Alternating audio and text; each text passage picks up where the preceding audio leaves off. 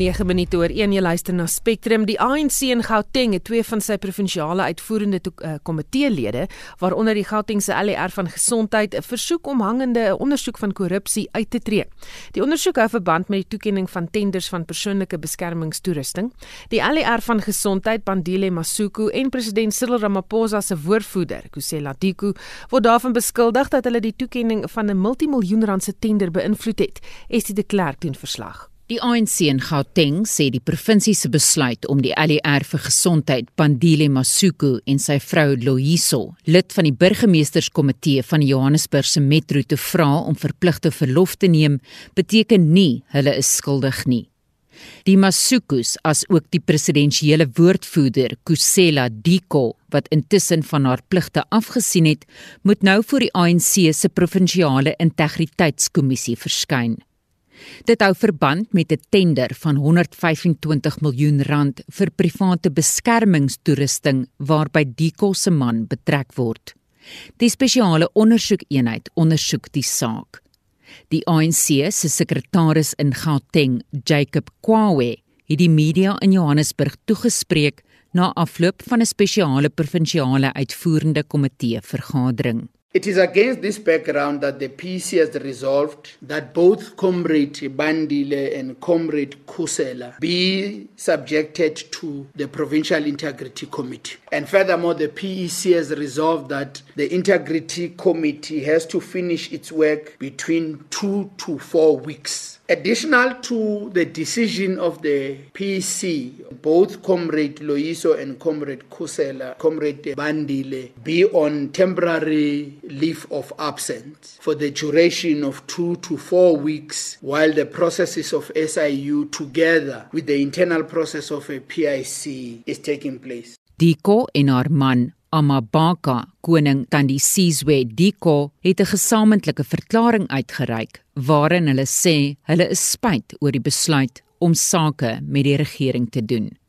Ek is Estie de Klerk vir SAK nuus. Statistieke Suid-Afrika het vroeër die jongste produsenteprysindeks vir Junie bekend gemaak. Ons praat nou met Driekus Kombrink van Capicraft hieroor. Goeiemôre Driekus. Hallo Susan. Hoe het die indeks vertoon? Ja, bietjie swakker as verwag en swak is nie noodwendig 'n slegte ding nie. Dit uh, beteken daar's nie baie pryskrag wat hierdie stelsel kom nie, deur die ekonomie kom nie. Die mark het uh, 0.6% verwag en ons het 0.5% gekry. Nou dis jaar op jaar syfers en dis nasyfer van 0.4% in die vorige maand. So tyd bietjie meer prys as die vorige maand maar om dit in konteks te sit.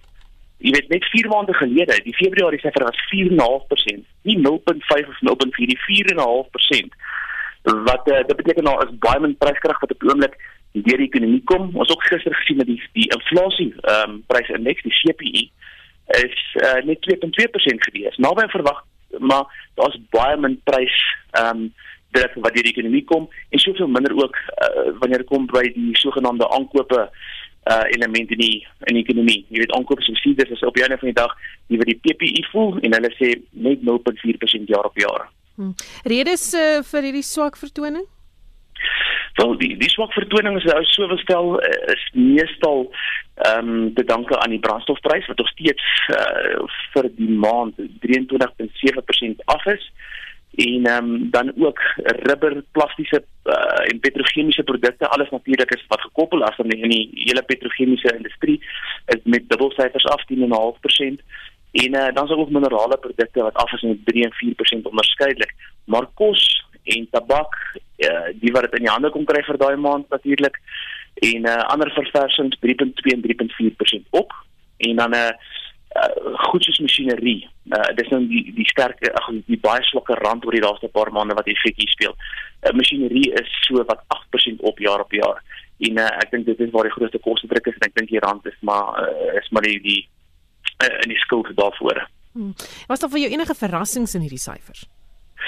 Ja, nie regtig nie. Ek dink ons het 'n swak syfer verwag, niks wat spesifiek uitstaan nie.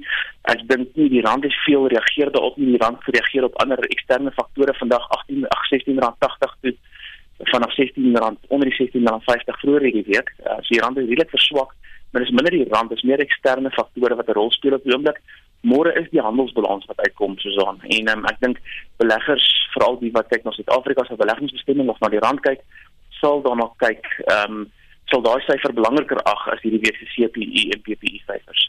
Hoekom is dit so belangrik? Wel ons ons handels ons het vir die eerste keer 'n lopende uh, surplus gehad op ons lopende rekening. 'n Surplus op ons lopende rekening dit beteken ons is besig om meer nie net meer uit te voer nie. Uh, sien jy met 'n handelsbalans ehm um, surplus nie, maar ook dat ons rentebetalings en so meer na die res van die wêreld toe uh, positief is. Met ander woorde ons ontvang meer as wat ons moet betaal. En dit is eintlik anekdoties van 'n baie swak ekonomie. Ehm um, maar dit is ook nodig. Dit is nodig vir die ekonomie om te herbalanseer en 'n uh, sterk handelsbalans surplus weer eens môre sal die rand ondersteun wat dit dui op die feit dat die die verswakking in die rand wat ons tot dusver gehad het alreeds genoeg is om 'n herbalansering in die ekonomie teweeg te bring en dat 'n verdere verswakking in die rand nie noodwendig nodig is nie. So 'n 'n 'n groot handels surplus, daar word 'n klein handelssurplus surplus verwag, maar 'n groter handelssurplus wat verwag is, sal positief wees vir die rand. Baie dankie. Dit was Driekus Kombrink, ekonom van Capicraft. Totdat die nuwe skoolkalender met nuwe riglyne in die staatskoerant gepubliseer is, is openbare skole volgens wetgewing op die oomblik onwettig gesluit. So sê die DA en die Federasie van Beheerliggame van Suid-Afrikaanse skole, oftewel FETSAS. 'n Week nadat president Cyril Ramaphosa aangekondig het eh, dat staatskole maandag um, moet sluit, buiten vir matrieks en graad 7 is vir 4 weke moet sluit, het die departement van basiese onderwys steeds nie die aangepaste 2020 skoolkalender gepubliseer nie. Is dit 'n klerk doen verslag? Totdat die nuwe riglyne gepubliseer word, sal dit dus wettig wees vir openbare skole om voor 24 Augustus te heropen sonder enige nagevolge van die regering, sê FETSA se bestuurshoof Paul Kolditz. Die president se aankondiging is bloot net 'n aankondiging. Dit is nie afdwingbare reël of wetgewing alvorens dit nie geproklaameer is in die staatskoerant nie. Dit wat op die huidige oomblik geld, is die direktiewe wat die minister uitgereik het op 23 Junie en en 7 Julie. Dit staan nog steeds tot tyd en wyl dit gewysig is. Dit is nog nie gewysig nie. Ons hoor gerugte daarvan dat dit gewysig gaan word, maar tot tyd en wyl dit nie gedoen is nie, bly dit staan as die riglyne, die nie net die riglyne nie, die wetgewing waaraan skole inderdaad moet voldoen. Die DA is op pad hof toe. Die politieke party se professor Belinda Bozoli sê dit is onwettig dat skole op die oomblik gesluit is. The DA has filed an affidavit with the North Gauteng Division of the High Court to seek an order declaring the President's announcement last week on the closure of schools as unlawful, unconstitutional, and not binding.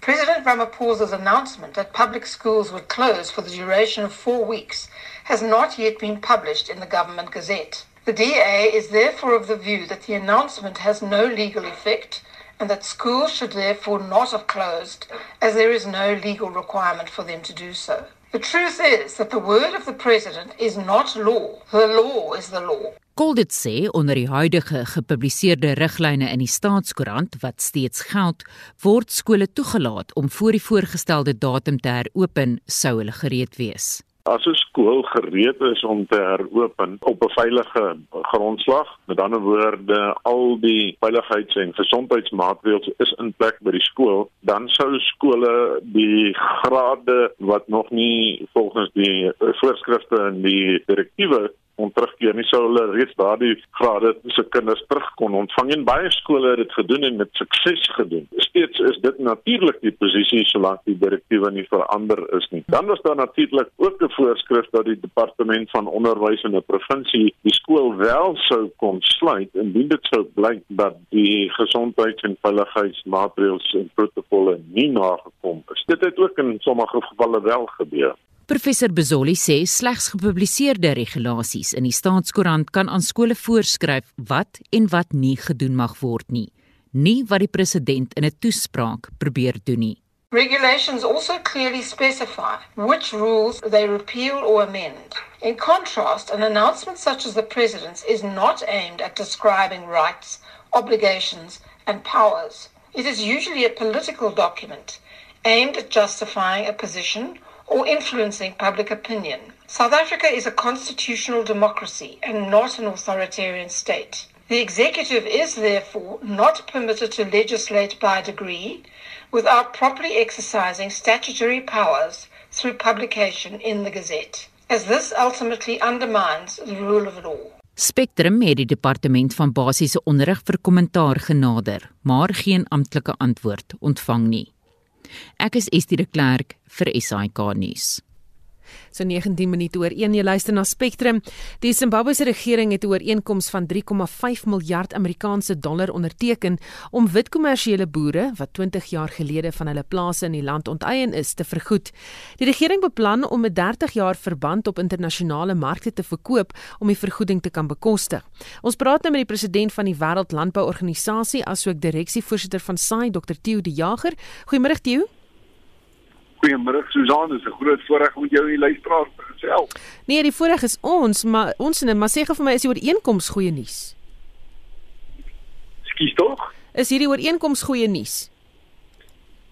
Dit is goeie nuus en dit is slegte nuus. Susan, dit is goeie nuus vir sover selfs in Zimbabwe op die punt gekom het waar die einde van die storie van onteiening sonder vergoeding is daar betaal moet word wat jy gevat het en dat jy nêrens in die wêreld toegang kry finansiering of tot beleggings as as as jy nie kompensasie betaal nie. Die slegste nuus is dat hierdie boere min of meer 30% prys die waarde Die ek gaan vir Dani in die rede val, dit voel vir my jou sein raak weg. Ehm um, miskien kan jy net vir ons daai laaste stuk weer ehm um, herhaal van hoekom dit slegte nuus is. Nee. Lyk vir my ons het 'n probleem met daardie sein. Ons gaan uh, gou-gou kyk of ons hom kan terugkry en dit beter beter sein kan kry daar. En uh, intussen gaan ons eers oorgegaan na 'n ander storie toe of nie. Lyk vir my ons het hom terug. Laat ek net sien daarso. Ja. Dio is jy nou daar? Susan, ek kan jou goed hoor. Kan jy my hoor? Daar's hy. Klink vir my of hy lyn nou so effe gestabiliseer het. Ons het nou gepraat oor hoekom dit 'n slegte ding is. En ja, dit is slegte nuus vir sover dat daardie boere nou net 35% kry van die oorspronklike waardasies op hulle gronde omdat dit net verbeterings is wat uitbetaal word en nie die grond nie. Dis nie so 'n groot probleem in Mashonaland waar die die verbeterings 80-90% van die totale waarde is nie woorde en pakhuise en bespreiingsinfrastruktuur en dis meer nie. Maar in Matabeleland waar dit veeplase is, is die belangrikste verbeterings die omheining rondom daardie plase en kry boere eh, maar tot 10-12% van hulle oorspronklike waarde. Die ooreenkoms is geteken kort na die dood van die minister van landbou in Zimbabwe, Prince Shiri. Is dit net toevallig? Dit is net toevallig ja. Ek was met minister Shiri um, in die in die onderhoude met die Wêreldbank in Januarie in Berlin waar die Wêreldbank vir hom uiteraard baie hard probeer om die Wêreldbank te oortuig om vir hulle lening te gee om hierdie kompensasie te betaal. Maar die Wêreldbank se houding teenoor hom was dat hulle 'n bank is en nie 'n welsynsorganisasie nie en 'n bank kyk na terugbetaal vermoë en integriteit van die lener.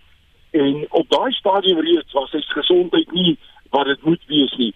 Maar ek ek sal nooit vergeet nie toe ons op die vliegtuig klim op pad terug het hy vir my gesê hy glo dat hy die man sou wees wat so 'n ooreenkoms met die boere sluit om hulle weer ten volle te integreer in die Zimbabwe se ekonomie Kan die regering in Zimbabwe dit bekostig? Nee, hulle het nie die geld nie, hulle moet daai geld nog gaan soek. Hulle het 'n paar planne waarom dit te kry, maar daar's nog geen aanduiding dat hulle lande op daardie geld sal kan lê in die nabye toekoms nie. Wanneer sal die vergoedingsproses dan nou begin en wanneer sal dit na verwagting afgehandel wees? Dit sal begin wanneer hulle die geld kan kry. Ehm um, en en kyk hulle het vir hierdie jaar ook begin met 'n gedeeltelike vergoedingsproses en wat wat in, in Februarie afgeskop het maar teen Oktober het die ehm um, Zimbabwe se dollar se waarde so gekwyn teenoor die Amerikaanse dollar dat die kompensasie niks meer werd was nie. So een van die groot kwessies vir die boere is as ons gaan, gaan begin betaal, moet hulle dit op 'n rekord periode doen.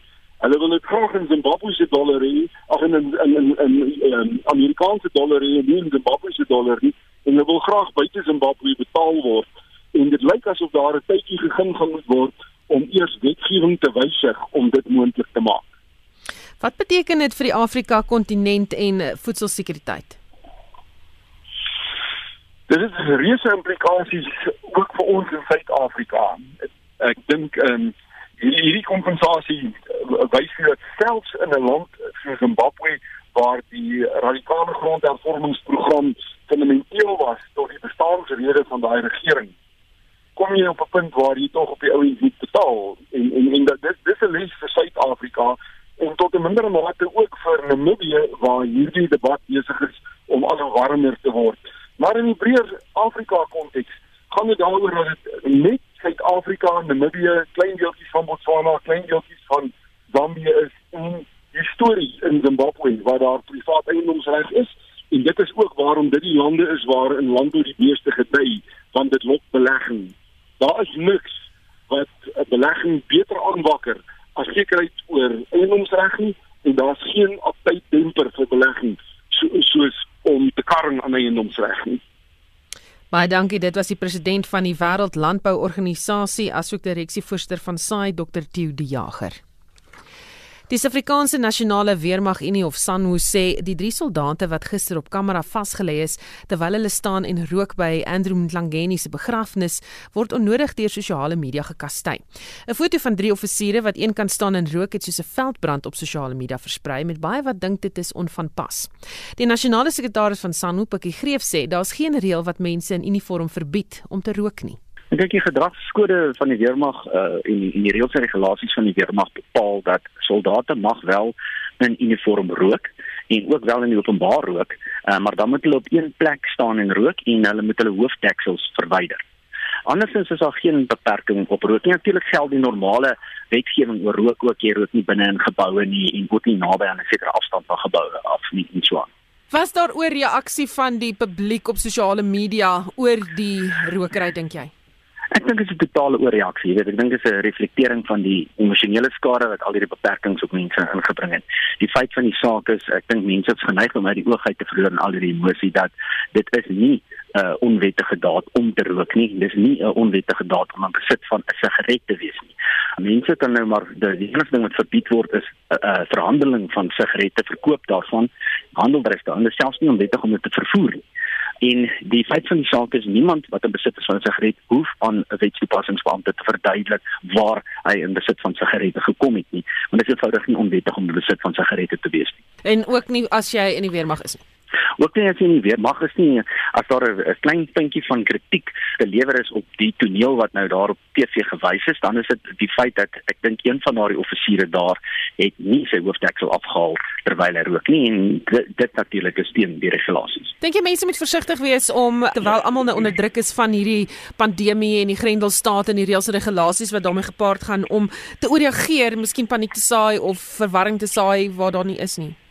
Ja, ek dink dit is nogal 'n baie gevaarlike tendens wat sy kop uitsteek. Jy weet om nou te probeer uitmaak dat die offisiere wat daar staan en rook een of ander kriminele oortreding begaan. Dit ondermyn net verder die vertroue in die weermag. En ons moet ook onthou, jy weet, interessant gister het 'n joernalis vir my gesê maar hierdie is wetstoepassingsbeamptes.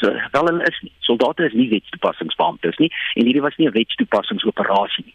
Hierdie was 'n seremoniele aangeleentheid en dit is niks ongewoons om soldate vooraf en na afloop van so 'n seremonie te sien staan en rook. En dit was die nasionale sekretaris van SANHU Pikkie Greef. Die polisie ondersoek beweringe dat roubeklaars wat Andrew Mlangeni se gebedsdiens by sy woning bygewoon het, nie inperkingsmaatreëls gevolg het nie. Die nasionale polisiewoordvoerder Brigadier Vish Naidu sê talle mense het op sosiale media versoek dat die roubeklaars vervolg word. The regulations in terms of the Disaster Management Act 57 of 2002 makes provision for the dispersing of crowds who gather illegally, and it also makes provision to hold accountable a person or persons who convenes or organizes illegal gatherings. Therefore, with regards to this matter in question, a case of contravention of Section 48.1a of the Disaster Management Act 57 of 2002 will be open for investigation. On completion of this investigation, the docket will be submitted to the Directorate for Public Prosecution for a decision. En dit was brigadier Vishnaidu die nasionale polisiewoordvoerder. Die Weskaapse regering sê in die afgelope paar dae is daar 'n bestendige afname in COVID-19 infeksies en verwante sterftes. Die afname word toegeskryf aan die nakoming van streng veiligheidsmaatreëls. Die provinsie het byna 3000 COVID-19 verwante sterftes. Winsmofokeng doen verslag. Terwyl infeksies in sommige streke soos die Suid-Kaap en Sentraal Karoo toeneem, is daar 'n konstante afname in die Kaapse metro. Die hoof van die departement van gesondheid, Dr Keith Kloete, sê hulle het vroeg beplan om voldoende hospitaalbeddens, ventilators en suurstofmaskers aan te skaf. We had a peak around over 40% at one time. We are now declining to less than 30% in terms of test positivity rate, which means that one in three tests are positive. That's also a reasonably good sign in that we have more negative tests relatively to what it was previously. Die Wes-Kaapse premier, Allan Windey, sê hy is bekommerd oor die ekonomiese impak van die inperkingsregulasies op inwoners. Hy sê hy werk met die nasionale regering om 'n werkbare oplossing te vind. We need to try and make sure that we find the balance. We need to make sure more businesses can open. In that regard, I have now written a follow-up letter. I want an urgent meeting with the Minister Dlamini Zuma of COCTA, who's responsible for the regulations, as well as the Minister of Health, uh, Minister Mkhize, that we can have a discussion around the Western Cape's economy. Die provinsiale minister van gesondheid, Noma French Mbombo, sê dit is belangrik dat almal die noodsaaklike veiligheidsmaatreëls nakom. We need to protect the vulnerable, keep the physical distance wherever you are, and also do not go anywhere unless it's necessary to do so. We urge people that it's everyone's individual responsibility. It's a community responsibility. It's my responsibility. It's your responsibility for all of us to be able to stop the spread. Dit was Noma French Mbombo, die Weskaapse minister van gesondheid. Die verslag van Mlamli Maneli. Ek is Vincent Mofokeng vir SAK nuus. Jy luister na Spectrum elke weekmiddag tussen 1 en 2.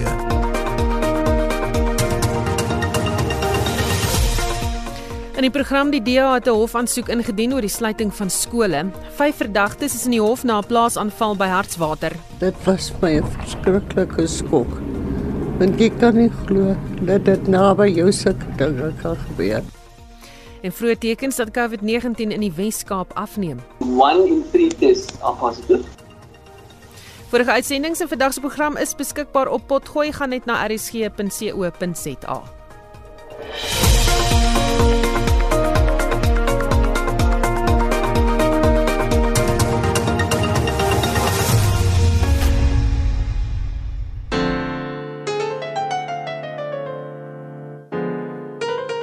Luister vanmiddag om kwart voor 3 na nog 'n episode van Die Lingervelders, geskryf deur Marie Snyman. Het julle die probleem met Danny se kredietkaart uitgesorteer? Hy moes al ingekom het om met die boekhouer te praat, maar hy was nog nie daar nie. Het hy met jou gepraat? Nee, woord nie. Ek is baie bekommerd. Ek kan dink hoe moeilik dit vir jou moet wees.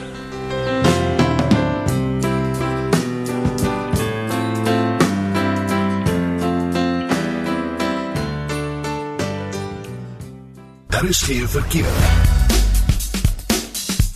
In KwaZulu-Natal staan 'n voertuig op die N3 Wes net na die Pavilion wisselaar in die linkerbaan. Daar staan ook 'n voertuig op die N2 Noord net na die EB Kloete wisselaar in die linkerbaan en dit is jou verkeersnuus. Ons gaan goeie draai op die sportveld met Shaun Jooste. Ons begin met tennisnuus.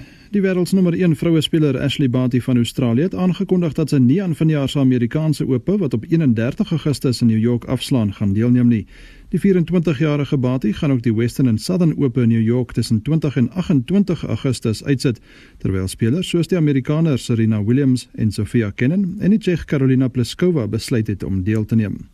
Van die manspelers wat hulle deelname bevestig het, is die wêreldsnommer 1 en 2 Novak Djokovic van Servië en Rafael Nadal van Spanje en die verdedigende kampioen Daniel Medvedev van Rusland sal ook in aksie wees.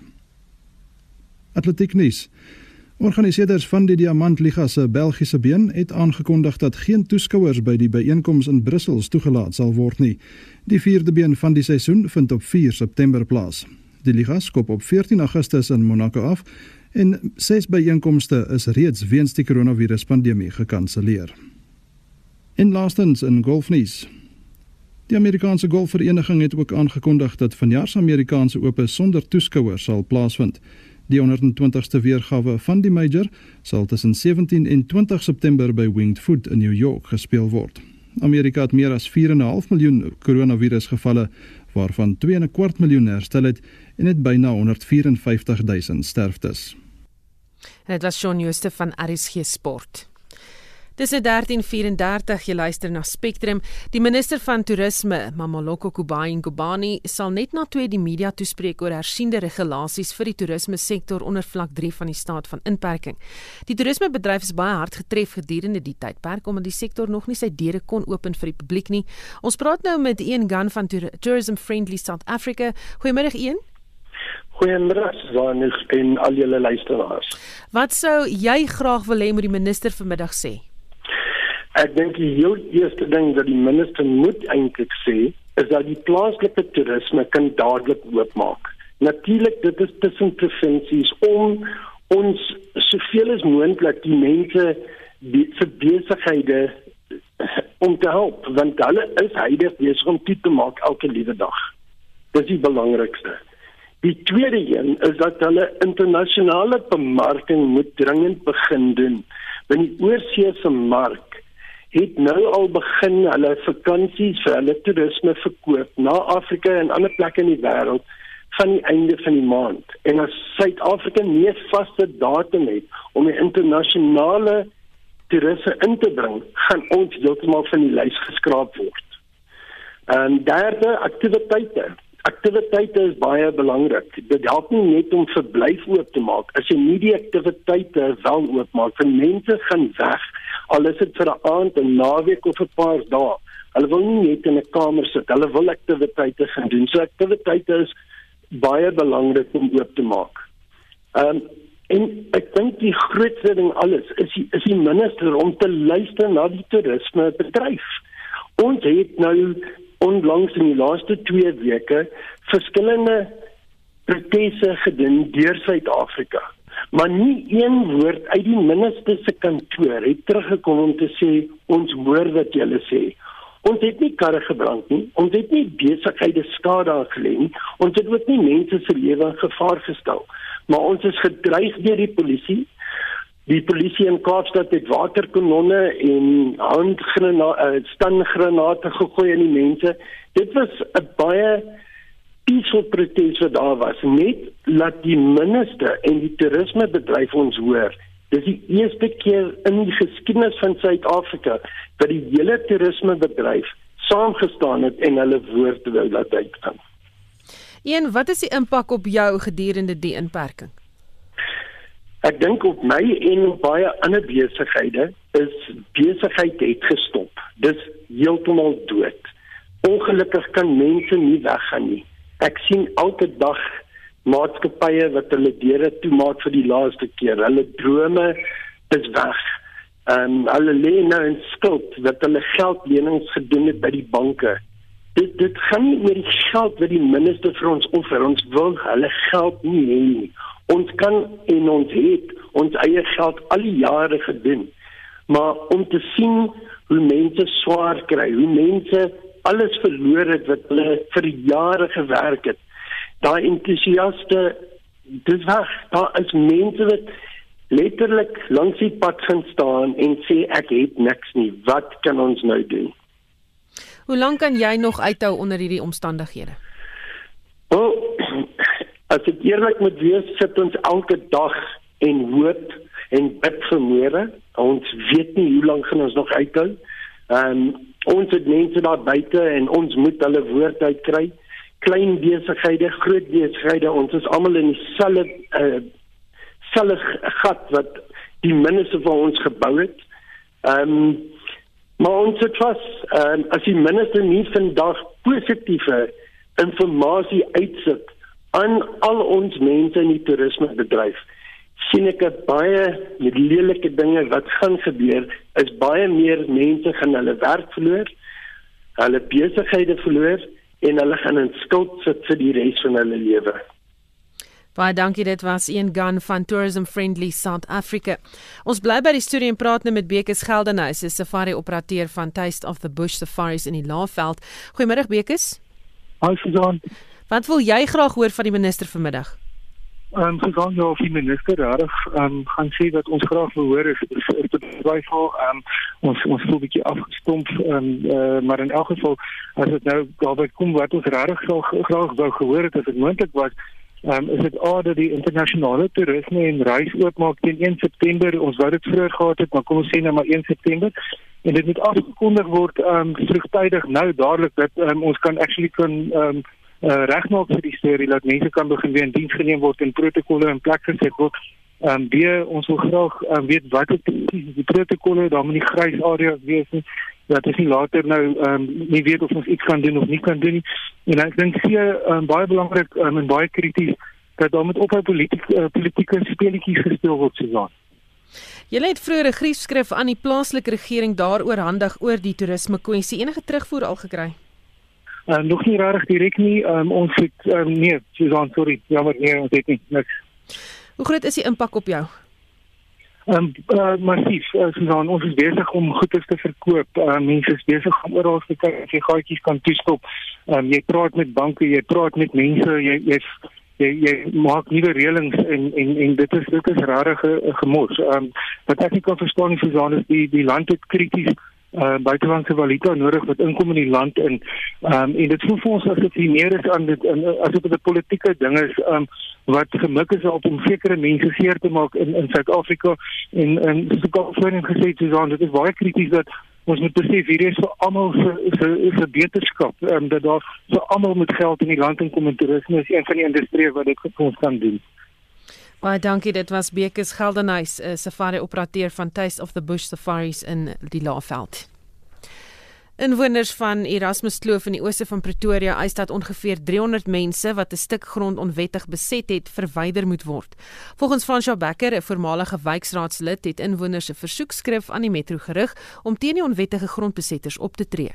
Op die hoek van Solomon Mslangu en die Delmaspad is daar besig om 'n uh, informele setting te ontwikkel. Dit is reg langs die Wolwespruit waar die Wolwespruit begin en dit is ook hoekom die mense daar is want hulle is 'n bietjie weggesteek onder die bome en bosse en hulle het toegang tot water daar. Wat is die probleme? Die probleem is dit is ekologies ongelooflik sensitief in die area. Dit is 'n vlei landgebied en daardie spruit gaan in die Moroletta spruit dit reg gaan reg deur die stad en 'n mens kan net dink aan die waterbesoedeling wat tans daar plaasvind. Fransjo, vertel ons van julle pogings wat julle intussen gemaak het met van die inwoners wat ongelukkig is. Ek kan net noem dat ons as raadslede so 3, 4 maande terug van ons poste onthef met die aanstelling van die administrateur en dit bemoeilik ons taak ongelooflik baie. Op sekere kwessies kry ons samewerking van die amptenary, op ander kwessies kry ons geen samewerking nie. Veral met hierdie nedersetting van dat daar nie meer metropolisie aksie is nie, van dat ek as 'n raadslid nie meer kan vra vir aksie nie, het die uh, nedersetting omtrent verdubbel die laaste 3 maande. Dit is ook nou sigbaar van die pad af. My probleem met daardie area is dat daar is 'n groot stuk veld wat oop lê. En indien dit nie baie spoediglik gekeer gaan word nie, gaan ons met 'n tweede plastic view informele nedersetting daar sit wat ongelooflik probleme gaan veroorsaak. Ons het alreeds 'n toename in misdaad in die areas rondom daardie gebied, lugbesoedeling, waterbesoedeling en ons inwoners stuur e-posse vir die administrateur. Ons self probeer met hom kontak maak, hy ignoreer ons. Vertel ons oor die petisie waar duisendes blykbaar geteken het en ook julle eise op hierdie petisie. Ek het uh toe die inwoners aangemoedig om 'n petisie saam te stel. Ons het 'n aanlyn petisie. Ons is baie naby aan 3000 mense wat alreeds daardie petisie onderteken het. Ons het gister na sy kantoor toe gegaan en die petisie in sy kantoor afgelewer. Hy was nie daar nie, maar iemand het dit aan ontvangs geneem. Die dekbrief op die petisie het hom gevra om ons binne 7 werksdae te antwoord. In sy antwoord moet hy vir ons noem wat hy gaan doen om beheer te neem oor hierdie situasie en hy moet dit ook 'n tydlyn vir ons gee. Wat gaan hulle doen en hoe lyk hierdie tydlyn? Eh, dit is 'n ongelooflike krisis. Dit is 'n ramp wat besig is om te ontvou reg onder ons neuse. Ons die administrateur moet nou ingryp. Hy is dit verskuldig aan die wetsgehoorsame belastingbetalende inwoners van daardie wijk en daardie woonbuurte. En dit was Fransjo Becker, 'n voormalige wijkraadslid in Tshwane wat met Winston Mofokeng gepraat het. Bure van die drie familielede van Hartswater in die Noord-Kaap wat ontvoer en vermoor is, het met skok en afgrys op die misdaad gereageer. Die bejaarde egpaar en hulle dogter is Sondag na bewering op hulle plaas aangeval en ontvoer. Hulle liggame is vroeër die week in die Taung omgewing in Noordwes gevind. Essie de Klerk berig. Vyf verdagtes verskyn vandag in die hof in verband met die moorde. Die gesin se bure is kwaad oor wat gebeur het. Binne 10 minute was daar al 'n polisieoffisier op die toneel en teen maandag aand was daar sewe verskillende polisieeenhede besig met die ondersoek. Ons kan regtig baie meer doen om die publiek te bemagtig en om hulle te organiseer. Ons moet ons bemagtig teen hierdie aanslag wat daar heidaglik heers uh, teen plaas te reer en hierdie dinge ons moet gebeurlikheidsplanne in plek hê en ons moet hierdie ding net eenvoudig dryf en en elke plaasaanval wat gebeur moet vir ons 'n motivering wees Dolly Pieterse woon die afgelope 3 jaar langs Dani en Breggie brand. Sy is geskok oor die moorde. Dit was my 'n verskriklike skok. Want ek kan nie glo dat dit naby jou sulke dinge kan gebeur nie. Maar weet jy wat, ek het berus. Die Here weet. Ek het probeer vrede maak, maar ek dink ek voel nou oral. Die vyf verdagtes word aangekla van roof, ontvoering en moord. Die verslag is saamgestel deur Neria Glakotsa in Hartswater in die Noord-Kaap. En ek is Estie de Klerk vir SAK nuus. Die parlementêre portefeulje komitees vir water en sanitasie asook samewerkende regering het die verhogings in watertariewe vir 2020-2021 verwerp. Die komitee glo dat die departement van water en sanitasie en die plaaslike regeringsvereniging Salga nie COVID-19 se impak op huishoudings in ag geneem het nie. Die departement se woordvoerder, Sputnik Retal sê, die komitee wil hê die watertariewe moet hersien word. Portfolio committee members felt that the timing for the revision or the review of the tariffs, especially to review them upwards, is a bit unfortunate in that it is in the middle of the response to COVID 19 as we have, which uh, came at almost the same time as when the process of uh, the review of the tariffs was being finalized. And therefore, the parliamentarians have advised is that there needs to be a look at whether the tariffs might be reduced or maybe even get to the point where these may not even come into effect. Ratau sê die komitee is bewus van die uitwerking wat dit op die reeds goedgekeurde munisipale begroting sal hê maar munisipaliteite word versoek om hul begrotings aan te pas. But obviously, the department has also got to consider that the importance of the tariffs is that it assists, they assist to be able to keep the water boards afloat and be able to work because that is part of the revenue that is utilized towards ensuring that water boards and municipalities are able to do the work that they are able to do. This work will continue to be consulted upon and ultimately the minister and uh, in consultation with parliament will make the final decision as to where this process ends. Intussen sê die bestuurshoof van Business Water Chamber, Benoy Leroy, dat Suid-Afrika dringend 'n onafhanklike instelling benodig om watertariewe te reguleer. The debacle about water pricing is an interesting one as these prices are largely unregulated where national governments, so Department of Water Sanitation, is a bulk water service provider and sets abstraction charges for the bulk water that is in turn sent through to uh, its wholly owned water boards who add on their costs And once those costs are calculated, they then pass on the costs to the distributors, which are the water service authorities, uh, which are our towns, cities, and uni cities. This three legged approach is not regulated at the national level. Parliament is not the correct place to have this debate. We should, like electricity prices, have an independent water regulator that regulates these three spheres of government and their pricing. Leroy sê ook dat water in Suid-Afrika histories duur is. Hy sê 'n nulkoers moet op die prys van water gehef word om dit vir almal meer toeganklik te maak. The pricing also is a um very old historic based one based on historic cost plus pricing which has made water quite expensive from that perspective. What we really should be looking at is at zero based costing and I refer now to Minister Mbowene's approach recently This is the fairest way of costing things in a transparent and fair manner so that we can get our water pricing down. Our economy is subjected to many infrastructure challenges, and uh, water is a fundamental economic enabler, as is energy. And we need to have the lowest possible pricing to be competitive in a global economy. Dit was Benoy Leroy, die bestuurshoof van die Business Water Chamber.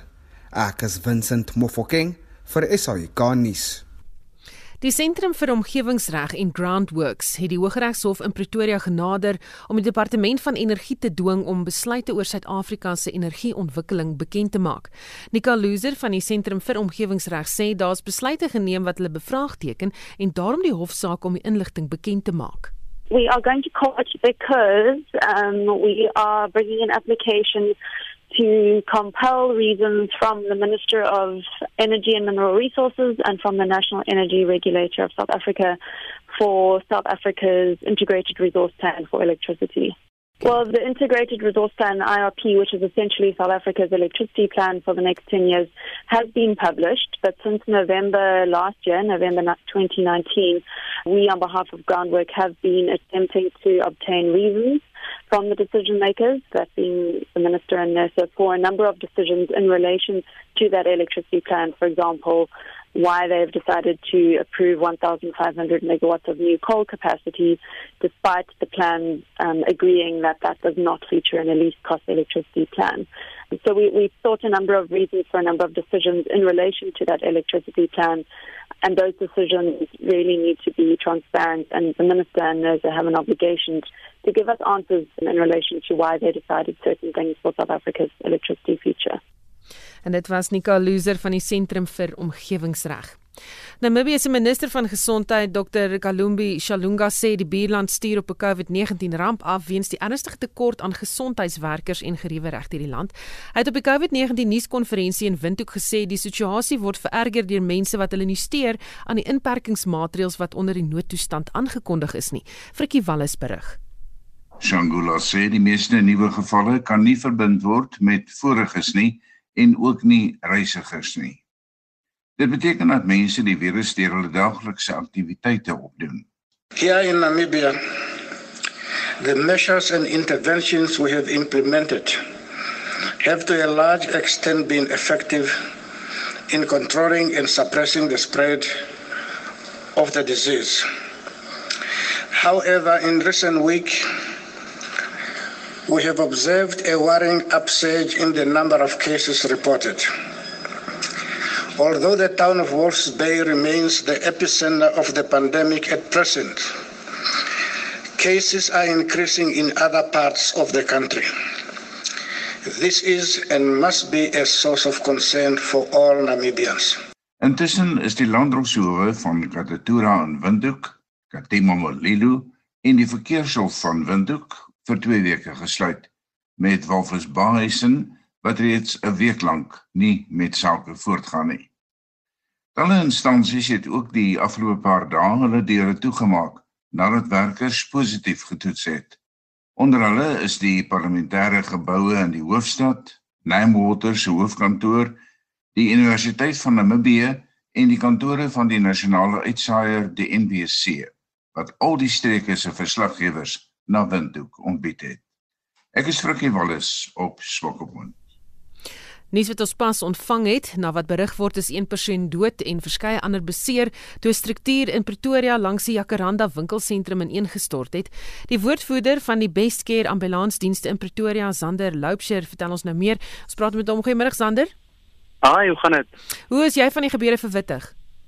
Ag, ons het die oproep gekry so half 12 dat daar 'n uh, massiewe geluid ehm um, van weet dit amper geklink asof iets ontplof het en ehm um, weet dat die persoon het toe uitgegaan toe sy die geluid hoor en toe sê sy dit lyk of die gebou in mekaar gestort het. So ons het toe dadelik reageer na die geval toe as 'n weet as 'n konstruksieterrein in ineenstorting en ja, ons vermoede was reg toe ons daar aangekom het, ehm um, is daar 'n hele konstruksie ehm um, wat hulle mee besig was om te werk wat toe in mekaar gestort het. So was jy hulle self op die toneel, jy? Ja, ek was daar gewees. Ons het seker 5 minute na die oproep het ons daar gestop. Ehm um, op aankoms was daar verskeie pasiënte weet rondom die toneel. Ehm um, dit was bietjie chaoties aan die begin, maar die konstruksie ehm um, of die perseel ehm um, toesighouer of die persoon wat daar aan beheer was, het toe vinnig gou almal bymekaar gekry om seker te maak om kyk wie's weg en wie's wie's daar. Um, ons het toe opgetel dat daar's een persoon wat oorlede is. Hy het hoofbeserings opgedoen wat ons kon optel en dan was daar verskeie ander pasiënte. As ek sê verskeie ander pasiënte, ehm um, is dit 4 ernstig beseerde pasiënte en uh, 10 ligtelik beseer. Daar word berig dat snuffelhonde gebruik word om nog beseerders op te spoor.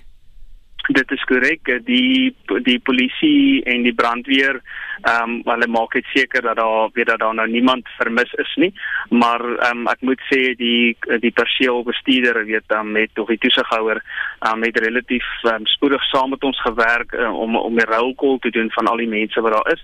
Ehm um, op die oog af lyk dit nie of daar nog enige persone vermis is nie, maar as gevolg van die weet die ehm um, area wat um, wat wat die, wat ineengestort is, moet hulle seker maak as niemand onder daai um, rommel wat um, in mekaar gestort het nie.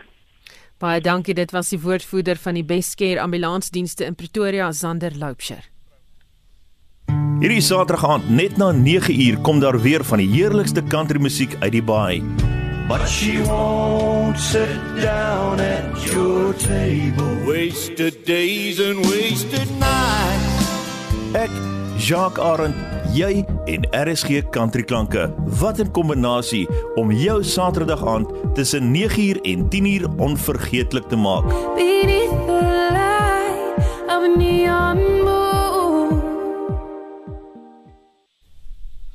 Dis 1355 en luister na Spectrum. Dis 4 maande sedit die eerste twee COVID-19 sterftes in die land aangemeld is. Die sterftes is op 27 Maart in die Wes-Kaap aangemeld.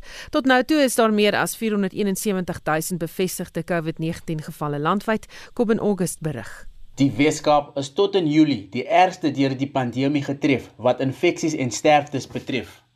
Gauteng is nou die middelpunt van die storm met gevalle in die Oos-Kaap en KwaZulu-Natal wat ook vinnig toeneem, sê die hoof van die Wes-Kaapse Departement van Gesondheid, Dr Keith Kloete. Where Gauteng is now is where we were five, four, five weeks ago, or even six weeks ago. So they might still have a very steep incline for the next six weeks, and it will be quite devastating if that's what's happening in their setting. Die Weskaap is die eerste provinsie wat COVID-verwante sterftes op die 27ste Maart bekend gemaak het.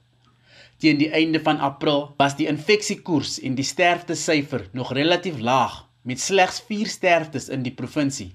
Een van die sterftes was die verpleegster Petronella Benjamin, 'n toegewyde verpleegster met 40 jaar se diens en bekend onder kollegas en pasiënte as Tante Nelly. Haar swaar, Rudolf Cookson, het dit oor haar te sê.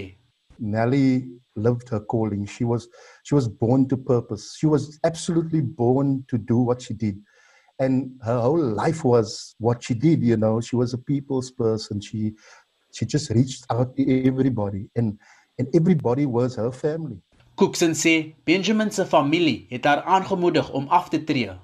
Would always tell me Rudy I've just got so much still to do. I was begging her already from the beginning of the year and pestering her already and said Nelly when when when? And she never gave me a date. And then you know maybe it was I think it was in February month when she said Rudy I've set my date. It's actually now the 30th of April will be my last day of active work as a professional uh, nurse in in in the nursing field. Tante Nelly is op die 29ste April oorlede, 'n dag voordat sy moes uittreë en haar goue jare begin. Oor die daaropvolgende 2 maande het die virus 'n dodelike impak op die Weskaap gehad. Teen die 23ste Mei was daar 276 sterftes in die provinsie. Aan die einde van daardie maand het die syfer verdubbel. Teen die 13de Junie het die Weskaap 'n totaal van net minder as 40000 bevestigde COVID-19 gevalle aangeteken, wat byna 70% van alle gevalle landwyd verteenwoordig het met 1008 sterftes. Teen die 23ste Junie was daar 1500 sterftes. Die provinsie het gesukkel om die spoed en intensiteit van die virus te hanteer. Sedertdien is daar ook waardevolle lesse geleer oor wie meer vatbaar is vir die virus en wie daaraan kon sterf. Die provinsiale departement van gesondheid sê 'n kwart van die pasiënte wat ondersoek is, het 3 of meer onderliggende toestande of komorbiditeite gehad. Diabetes en hipertensie is die algemeenste onderliggende toestande. HIV, vigs en tuberkulose is ook risikofaktore, maar in 'n mindere mate. Vir die geliefdes van verpleegster Petronella Benjamin en die duisende Suid-Afrikaners wat gesterf het, sal die verwoestende gevolge van COVID-19 lewenslank duur. Ek is Corbin August in Kaapstad. Onthou Spectrum Monitor naweek aktueel kommentaar en finansiële fokus is beskikbaar op Potgooi gaan net na RSG se webblad by www.rsg.co.za. Jy kan ons ook volg op Twitter by Monspek1 of op facebook.com vorentoe skynstreep ZARSG. Ons groet namens ons waarnemende uitvoerende regisseur Hendrik Martin, die redakteur John Estreisen en produksieregisseur Frikkie Wallis. Ek is Susan Paxton. Geniet jou middag.